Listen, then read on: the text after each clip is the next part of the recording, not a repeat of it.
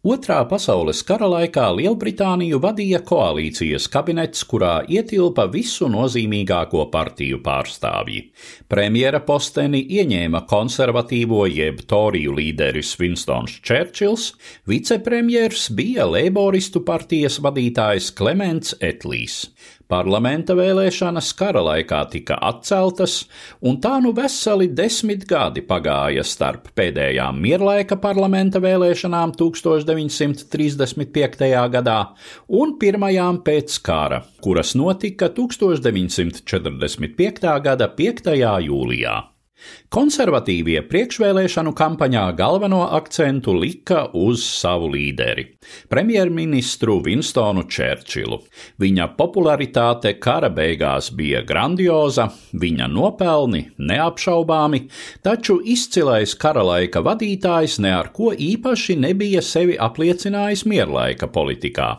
Savukārt viņa vadītā partija sabiedrības lielai daļai bija atmiņā kā spēks, kas stūrē uzvarēja Britāniju lielāko daļu starpkaru perioda, īstenojot saviem ideiskajiem principiem atbilstošu politiku individuālisms, mantojamo privilēģiju saglabāšana, pašsaprotama nevienlīdzība sociālo labumu sadalē.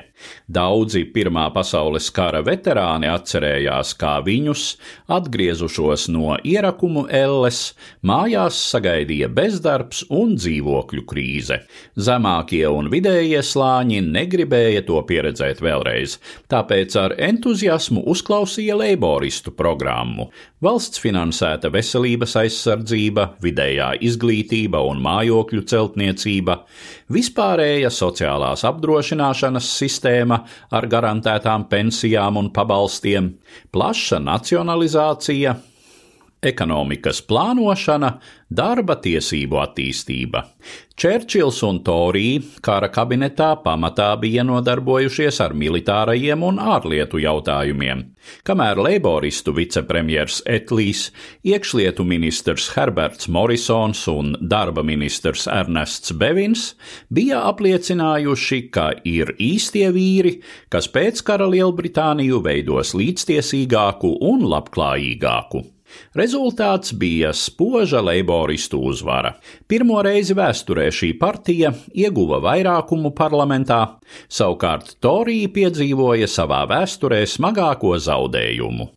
Klementa Etlija leiboristu valdība konsekventi īstenoja savus reformu plānus.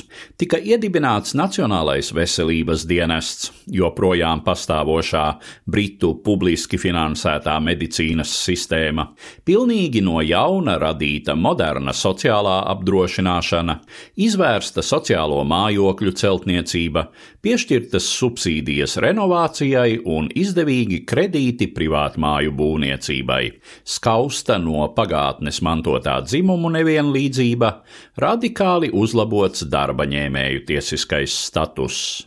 Tika nacionalizēta Anglijas banka, telekomunikāciju kompānija Cable and Wireless, dzelzceļu tīkls, ogļu un gāzes ieguves, metālurģijas uzņēmumi. Īsāk sakot, tika likti pamati modernajai, eiropeiskajai labklājības valstī. Etlija laikā aizsākās dekolonizācijas process Britu impērijai, sākot pārtapt par nāciju sadraudzību. Neatkarību 40. gadu otrajā pusē ieguva Indija, Pakistāna, Mjanma, Šrilanka, Izraēla, Jordānija. Tāpat Etlija kabinets piedzīvoja augstā kara sākumu. Pats premjerministrs sākotnēji lūkojās uz attiecībām ar Padomju Savienību piesardzīgi, bet drīzāk samiernieciski, ko nevarēja sacīt par jauno ārlietu ministru, pārliecināto antikomunistu Ernestu Bevinu.